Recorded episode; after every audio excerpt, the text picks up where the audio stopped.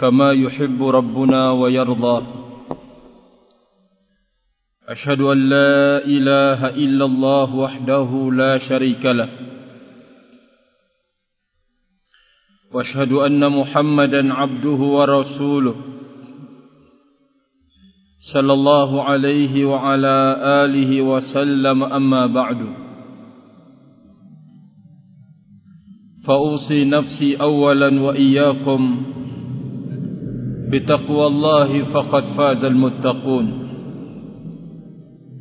قال الله عز وجل في كتابه يا أيها الذين آمنوا اتقوا الله حق تقاته ولا تموتن إلا وأنتم مسلمون. Ma'asyiral muslimin dan muslimat yang saya hormati dan yang dimuliakan oleh Allah Subhanahu wa taala. Alhamdulillah kembali kita mendulang nikmat Allah Azza wa Jalla. Nikmat yang tidak diberikan kepada semua orang yaitu nikmat mendekatkan diri kepada Allah Subhanahu wa taala melalui kewajiban-kewajiban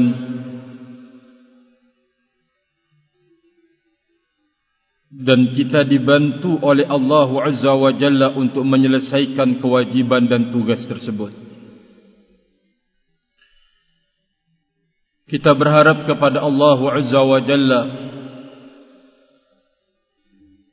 nikmat yang seperti ini terus membarengi kita dimanapun kita berada.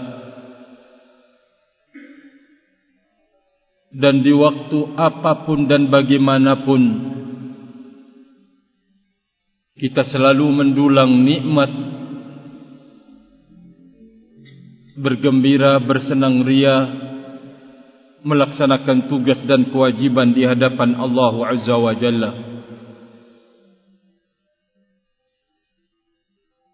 Ma'asyiral muslimin dan muslimat yang saya hormati Menyambung pembicaraan yang telah lewat Terkait dengan rahasia keputusan-keputusan Allah di dalam hidup kita Yang semuanya telah berada dalam suratan takdir ketentuan dan catatan hidup yang tidak akan berubah dan tidak akan pernah tertukar dengan catatan orang lain.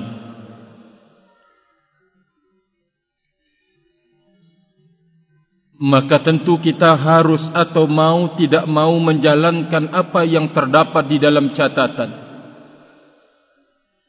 Walaupun mungkin keinginan kita, kemauan kita, cita-cita kita berbeda dengan catatan tersebut. Namun kita harus menerimanya. Kita harus menjalankannya.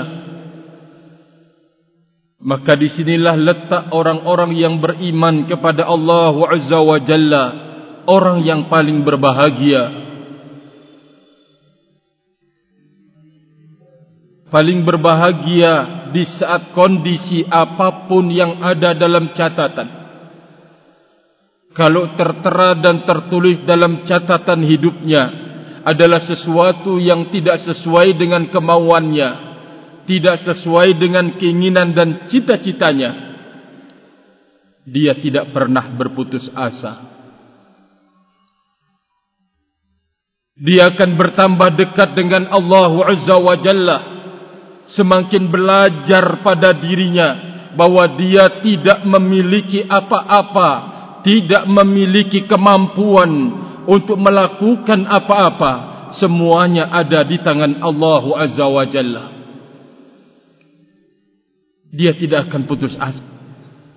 Dia terus mengkaji dan mencari hikmah di belakang kejadian demi kejadian, peristiwa demi peristiwa tersebut. Demikian sebaliknya. Jikalau dia mencapai apa yang dia cita-citakan. diberikan oleh Allah Azza wa Jalla apa yang dia maukan orang yang beriman tidak pernah akan menjadi angkuh dan sombong tidak akan lupa daratan karena apa yang dia telah dapatkan dan peroleh di dalam hidup memang itulah tercatat dan tertulis dalam ketentuannya. Dia selalu menyadari bahawa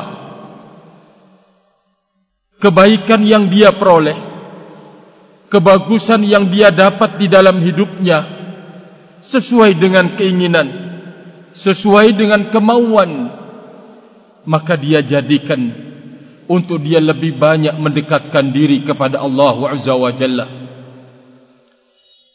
Karena Allah Subhanahu wa taala akan bisa menukar, menukar dan mengganti sekejap mata dari bahagia menjadi susah dan sengsara dari sengsara bisa berubah menjadi kehidupan yang penuh dengan kebahagiaan semuanya ada di tangan Allah Azza wa Jalla.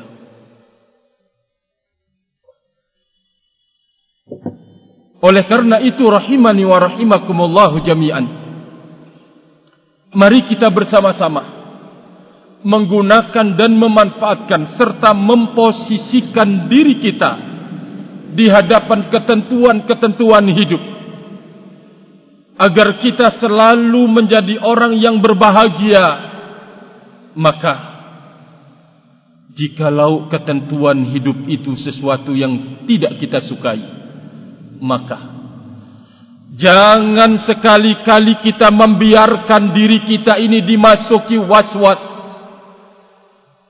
Lalu kemudian kita benci dan tidak suka kepada ketentuan yang sedang menimpa kita. Kemarin kita setelah mencontohkan mungkin istrinya sakit, anaknya sakit, kedua orang tuanya mungkin dia lumpuh atau mungkin stroke atau semisal itu. Maka dia tidak akan membiarkan muncul pada dirinya was-was lalu benci terhadap ketentuan yang telah terjadi di dalam hidupnya. Dia jaga dirinya. Dia pertahankan dirinya. Dia lindungi bisikan-bisikan buruk yang akan menyapa dia di hadapan ujian dan cobaan itu. Dia tahan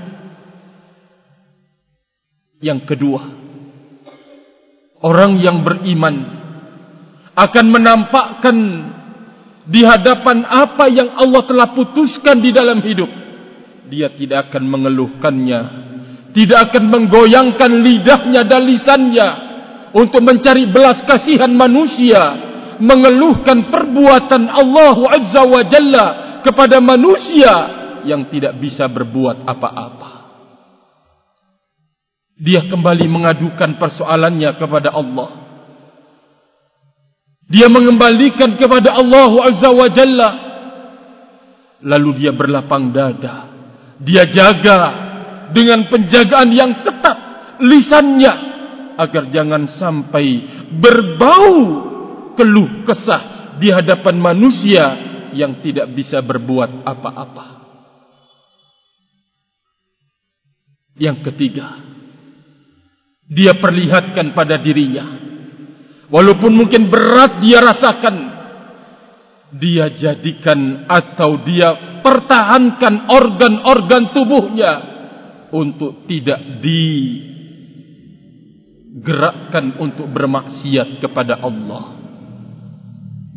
Dia tidak melakukan dosa dan kemaksiatan. Mungkin karena sudah putus asa, lalu kalimat-kalimat kotor keluar dari mulutnya. Lalu kemudian memukul sana sini, menyobek-nyobek bajunya. Bahkan maaf-maaf, kalau dengan peristiwa itu, badannya, kakinya melangkah ke tempat para dukun dan para tukang ramal. Sungguh, Orang yang beriman tidak pernah akan melakukan hal itu. Karena dia tahu bahwa ini adalah suratan di dalam hidup yang tidak mungkin akan berubah. Tidak mungkin akan tertukar. Itulah dia suratan hidup kita yang kita harus menerimanya dengan lapang dada. Ma'asyiral muslimin, disinilah istimewaan orang-orang yang beriman kepada Allah. Orang yang berbenah dan membenahi akidah dan tauhidnya, dia orang yang paling berbahagia sekali lagi dalam kondisi apapun dan bagaimanapun dia harus menghadapi ketentuan dan suratan di dalam hidup. Ma'asyiral muslimin yang saya hormati dan yang saya muliakan. Oleh karena itu, kita harus menyadari dan mengetahui pula ketentuan hidup tidak boleh kita jadikan sebagai alasan untuk bermaksiat kepada Allah. Bagaimana contohnya? Ketika kita bertemu bersama saudara kita mungkin yang terjatuh di dalam perjudian atau narkoba atau yang semisalnya. Ketika kita mengingatkan dan menasihatkan dia, dia kemudian menimpali, Mbok ya oh jangan sibukkan dengan urusan saya, kan ini sudah takdirnya saya. Untuk terjatuh di dalam dosa dan kemaksiatan, dia beralasan dengan takdir Allah. Sudahlah, tidak usah sibuk-sibuk mengurusi saya. Kamu baik, anda bisa sholat, yaitu takdirnya anda. Saya mencuri, tidak sholat, takdirnya saya. Ya sudah kita terima masing-masing perjalanan hidup. Segenap saudaraku kaum muslimin yang saya muliakan. Benarkah beralasan dengan takdir dalam berbuat maksiat dan dosa? Diperbolehkankah di dalam agama kita kita langgar ketentuan syariat? Lalu kita berhujah dengan ketentuan hidup yang kita tidak tahu itu semua segenap saudaraku kaum muslimin maka di sana ada kaidah yang harus kita fahami yaitu wala naj'alu qada Allah wa qadarahu hujjatan lana. Wala naj'al jangan kita menjadikan ketentuan Allah Subhanahu wa taala sebagai alasan sebagai landasan sebagai pegangan buat kita fitarki awamirihi dalam meninggalkan perintah-perintah Allah wajtina binawahi dan menjauhi larangan-larangan Allah. Jangan. Kalau sekiranya kita menjumpai demikian ada orang kalau kita balik bertanya maaf dari mana anda tahu kalau takdir anda itu demikian? Dari mana? Sementara dia tahu kalau berjudi itu haram, mabuk itu haram, menipu itu haram, dia tahu semuanya. Tapi sekarang dia berhujah atas pelanggaran dia terhadap dosa-dosa itu dengan sesuatu yang dia tidak ilmui dengan sesuatu yang dia tidak ketahui yaitu berhujah dan berdalil dengan takdir Allah Azza wa Jalla. Dari mana taunya anda? Kenapa anda tidak berdalil dengan takdir di saat anda melaksanakan kebaikan dan ketaatan? Kok malah di saat melanggar perintah melaksanakan larangan-larangan Allah kok berhujah dengan sesuatu yang dia tidak ketahui sendiri. Tidak diterima oleh syariat ini barakallahu fikum. Maka di saat syariat itu datang memerintahkan kita dituntut dipanggil untuk kemudian melaksanakan perintah itu. Ini yang dituntut di dalam hidup. Demikian juga syariat melarang kita maka kita dituntut untuk melaksanakan upaya dan usaha menjauhi larangan-larangan tersebut. Ini yang diminta oleh syariat. Maka tidak boleh seorang muslim dan muslimah di dalam melanggar syariat Allah berhujah dengan takdir Allah subhanahu wa ta'ala. Ini adalah sesuatu yang sangat-sangat keliru dan salah serta tidak tepat.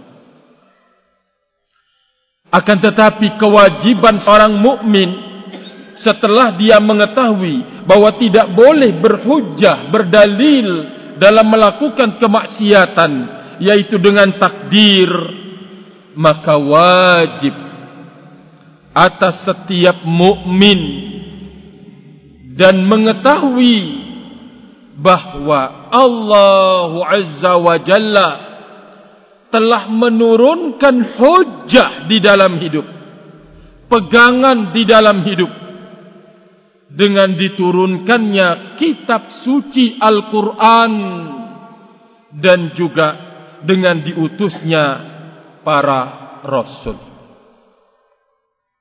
Ini yang harus kita imani. Maka di saat Rasulullah sallallahu alaihi wa ala alihi wasallam bersabda di hadapan para sahabatnya tidak ada seorang pun dari kalian kecuali sudah ditulis tempatnya di dalam surga atau di dalam neraka. Hal ini mengundang tanda tanya pada para sahabat nabi atau mengundang pertanyaan bagaimana bentuk pertanyaannya para sahabat nabi? Kalau begitu ya Rasulullah Kita sudah ditulis Telah tercatat tempat kita Di dalam surga Atau di dalam neraka. Tidakkah kita pasrah kepada takdir? Tidakkah kita menyerahkan Urusan kita ini Kepada tulisan dan catatan hidup? Ya kalau kita Penduduk neraka ya pasti masuk neraka atau surga ya pasti masuk ke dalam surga. Apakah Nabi Ali Shallallahu Wasallam membiarkan para sahabat Nabi Ridwanullah Alim Ajma'in untuk berpangku tangan lalu kemudian tidak mau berbuat berusaha lalu menyandarkan dengan takdir? Apa jawaban Nabi alaihi salatu wassalam? I'malu. Berbuatlah kalian. Berkaryalah kalian. Beramallah kalian. Bekerjalah kalian. Karena setiap orang itu akan digampangkan. Maksudnya dibantu. Dimudahkan oleh Allah Azza wa Jalla. Kemana dia diciptakan? Bagaimana maksudnya Rasulullah menjelaskan. Kalau dia adalah menjadi penduduk surga Allah gampangkan dan mudahkan dia untuk mengerjakan amalan-amalan penduduk surga tapi Rasul memerintahkan untuk bekerja dan berbuat. Tidak berpangku tangan lalu pasrah kepada takdir dan ketentuan hidup. Nabi sallallahu alaihi wasallam memerintahkan untuk berkarya, untuk berbuat, untuk berjuang di dalam hidup.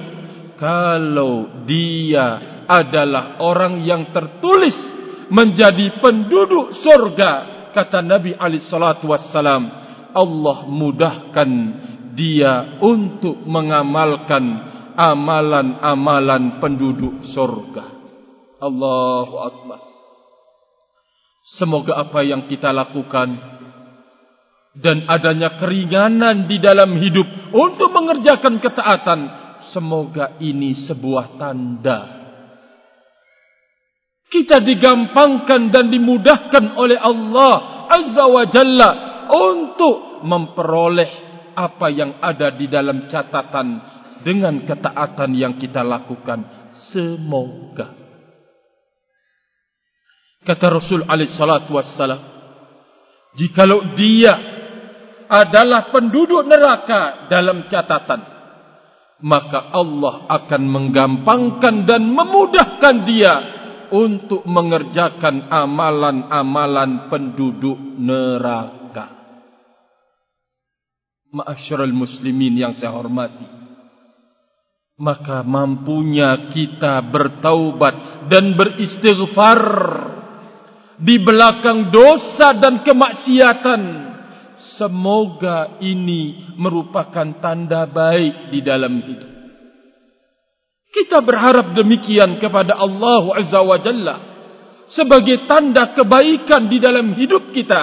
Di saat kita bisa di belakang kemaksiatan yang kita kerjakan kita tutup dengan istighfar kepada Allah Azza wa Jalla. Ma'asyiral muslimin yang saya hormati dan yang saya muliakan. Sekali lagi, kita tidak boleh bersandarkan dan berdalih dengan takdir Allah dalam meninggalkan sebuah perintah dan menjauhi larangan dalam mengerjakan larangan-larangan Allah Azza wa Jalla. Ma'asyiral muslimin yang saya hormati. Lalu bagaimana? Jika ketentuan hidup kita atau kejelekan dalam takdir kita jumpai. Contohnya misalkan dosa kita kerjakan. Setelah itu kita bertaubat. Terjatuh lagi di dalam dosa kita kembali lagi bertaubat, terjatuh lagi di dalam dosa, terus demikian. Segenap saudaraku kaum muslim, di saat kita menemukan ada ketentuan yang jelek, maka tidak boleh kita bersuudzon kepada Allah Azza wa Jalla. Berburuk sangka kepada Allah Azza wa Jalla atau menggambarkan di dalam diri. Kok jelek ya perbuatan Allah menentukan kepadaku kejelekan? Tidak.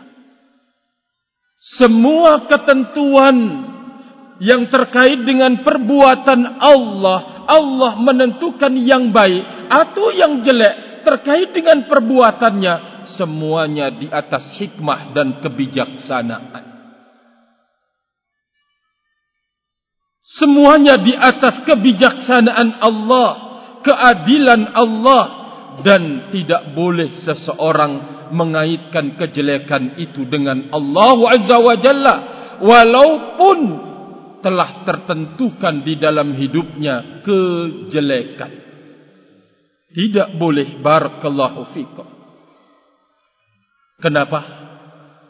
Karena Nabi alaihi salatu wassalam telah mengajarkan di dalam doa kunut witir wa kini syarra ma qadaita Allah Azza wa Jalla Rasul alaihi salatu wassalam menyebutkan jauhilah aku ya Allah dari kejelekan apa yang engkau telah takdirkan. Dari kejelekan apa yang engkau telah takdirkan.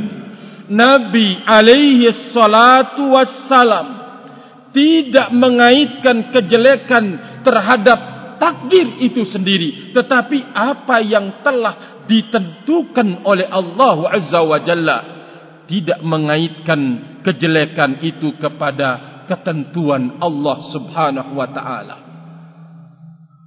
Agar kita jangan sampai terjatuh di dalam sikap kurang ajar, tidak beradab kepada Allah Subhanahu wa taala. Bagaimanapun ketentuan kita, hidup kita itu jelek, misalkan rusak atau barakallahu fikum ujian demi ujian kita jumpai. Tidak boleh karena itu lalu kita bersuudzan, berburuk sangka dan mengeluarkan kata-kata tidak beradab kepada Allah Subhanahu wa taala. bahwa semua apa yang ditentukan oleh Allah berdasarkan ketentuannya itu semuanya baik. Barakallahu fikum contoh misalkan yaitu tidak masuk Islamnya Abu Talib pamannya Nabi alaihi salatu wassalam rahimani wa rahimakumullah kita mengambil sebuah contoh. Barakallahu fikum. Tidak masuk Islamnya paman Rasul sallallahu alaihi wasallam Abu Talib. Kalau mau mengukur mungkin pembelaan kita terhadap syariat Nabi dan terhadap Nabi kita dibanding dengan pembelaan Abu Talib terhadap keponakannya belum seberapa.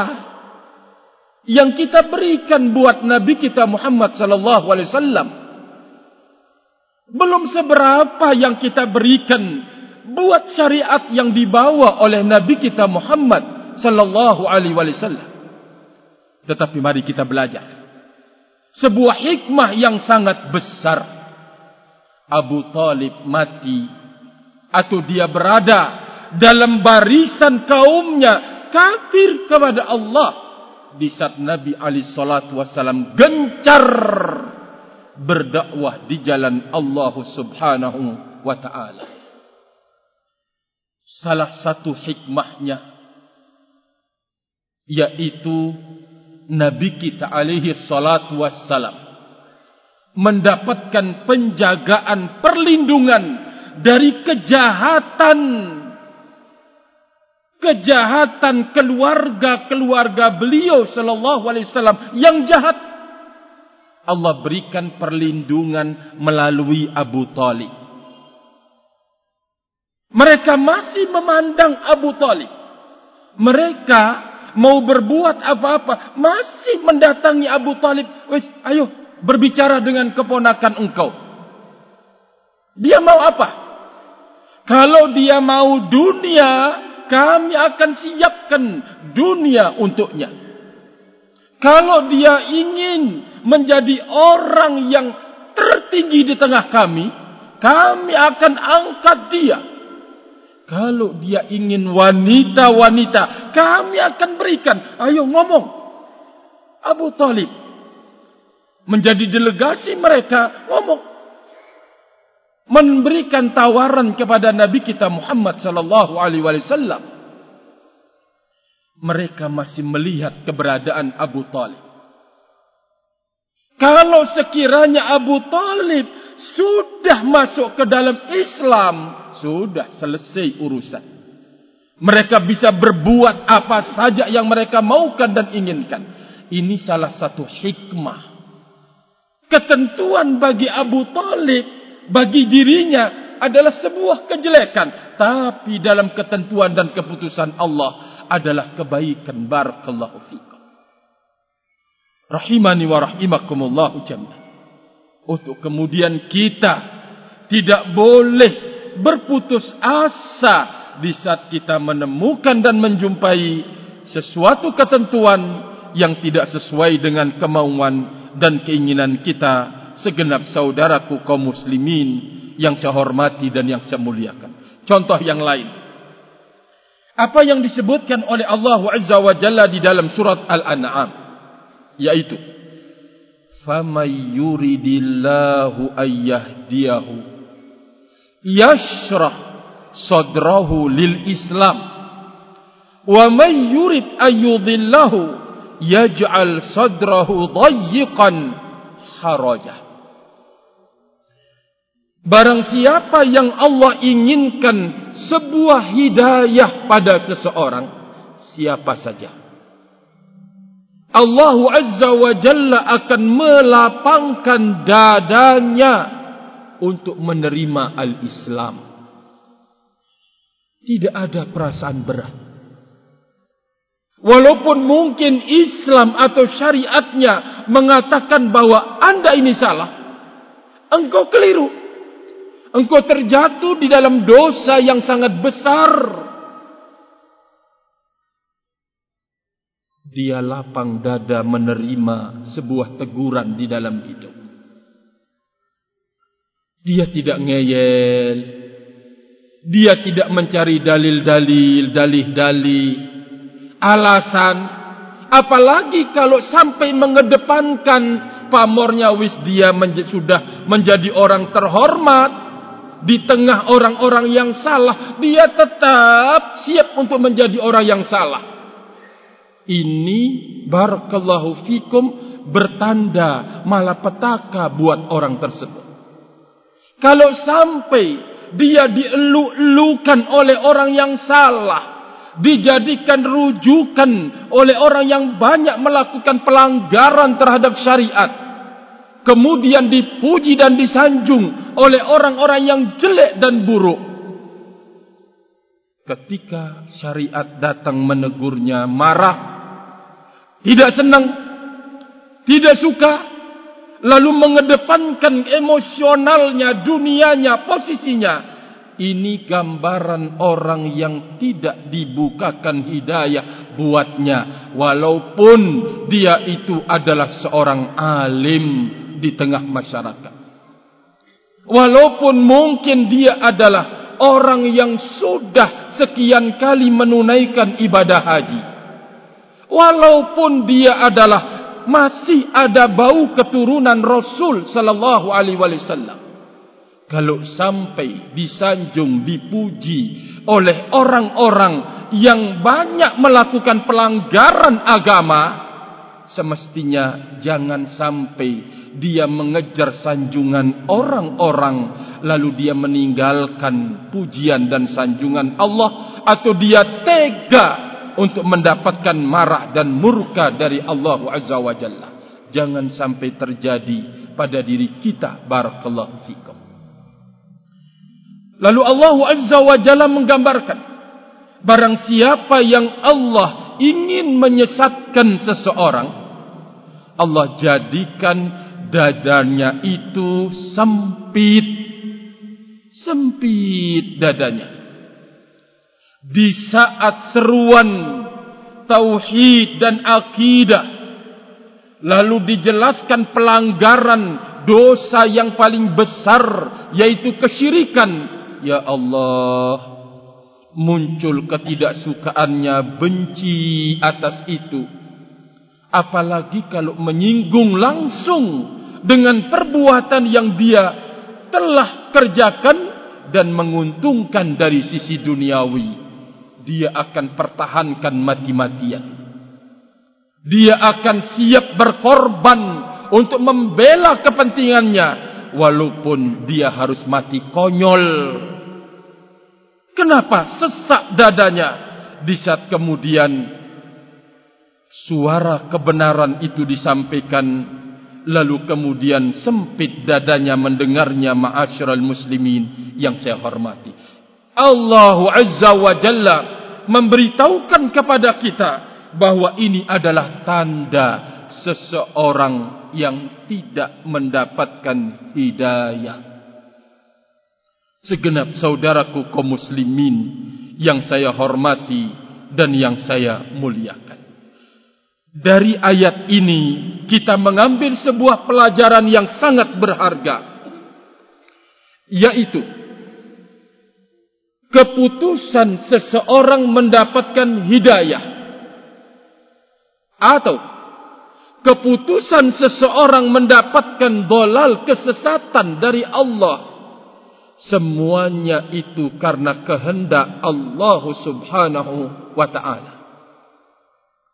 Dan Allah punya kebijakan dalam menentukan ini orang yang pantas mendapatkan hidayah itu orang yang pantas mendapatkan kesesatan semuanya di atas hikmah dan kebijaksanaan Allah Azza wa Jalla oleh karena itu seseorang tidak akan dikatakan beriman kepada takdir Allah Azza wa Jalla sampai dia menghimpun pada dirinya empat perkara.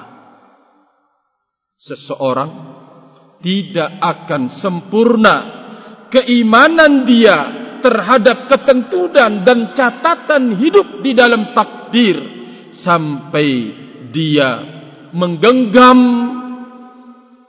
mengetahui empat perkara dalam ketentuan takdir tersebut. Yang pertama, beriman tentang ilmunya Allah Azza wa Jalla. Bahwa Allah Maha mengetahui siapa yang pantas mendapatkan hidayah, yang tidak pantas, siapa yang pantas untuk kemudian menjadi orang kaya, siapa yang tidak pantas, siapa yang menjadi ya orang tertinggi, siapa yang tidak pantas, semuanya itu dalam ilmunya Allah Azza wa Jalla harus kita imani. Ini satu. Sehingga di saat kita menemukan sesuatu di dalam hidup dan tidak diberikan yang sama kepada saudara kita, kita tahu semuanya ini di atas ilmunya Allah. Allah Maha mengetahui. Ini satu. Kedua, apa yang terjadi di dalam hidup dari catatan-catatan itu sudah tertulis di lauhil mahfud. Allah sudah tulis. Sehingga tidak akan berubah barakallahu fikum. Tidak akan tertukar dan berganti. Sudah kata Nabi Ali salatu wassalam kering yaitu lembaran catatan takdir dan sudah terangkat pena maksudnya sudah selesai urusan takdir itu. Dicatat oleh Allah Azza wa Jalla. Yang ketiga, Allah Azza wa Jalla memiliki kehendak. Dia memberikan dan tidak memberikan semata-mata kehendak Allah Subhanahu wa taala. Allah Azza wa Jalla yang menghendakinya. Dan terakhir, semua yang terkait dengan takdir itu yang ditulis takdir-takdir mereka semuanya adalah makhluknya Allah semua makhluk Allah kalau itu merupakan makhluk Allah dia tidak akan pernah lepas dari ketentuan pengaturan kekuasaan keputusan Allah Azza wa Jalla karena semuanya adalah makhluknya Allah. Maka dengan kita mengimani bahwa semua peristiwa hidup telah tertulis dan tercatat dan tidak akan berubah dan tertukar, ini artinya kita harus berani untuk menjalankan hidup ini. Yang kedua, kita harus meraup keuntungan yang terbanyak di saat kita menjalankan catatan-catatan hidup tersebut. Terakhir, kita tidak akan pernah bisa mampu meraup yang terbaik di dalam hidup kaitannya dengan ketentuan-ketentuan itu kecuali di saat kita benar-benar beriman kepada Allah Azza wa Jalla. Semoga apa yang kita sampaikan terkait dengan takdir hidup ini menjadi sebuah bekal untuk kita melangkah menghadapi segala kemungkinan-kemungkinan di dalam hidup. Sehingga di saat kita menjumpai tidak sesuai dengan harapan kita tidak kecewa dan putus asa. Dan di saat kita mendapatkan sesuai dengan cita-cita tidak pernah lupa daratan. Kita selalu ingat Allah Azza wa Jalla sebagai sang penentu dan sang pemberi. Wallahu ta'ala alam bisawab. Wallahu ta'ala alam bisawab. Mungkin ini yang bisa saya sampaikan pada kesempatan kali ini. Semoga ada manfaat buat diri saya sendiri dan segenap saudaraku kaum muslimin dan muslimat yang saya hormati. Wa akhiru da'wana anilhamdulillah. Subhanakallahumma wa bihamdika ashhadu an la ilaha illa anta astaghfiruka wa atubu ilaik. Wassalamu alaikum wa rahmatullahi wa barakatuh.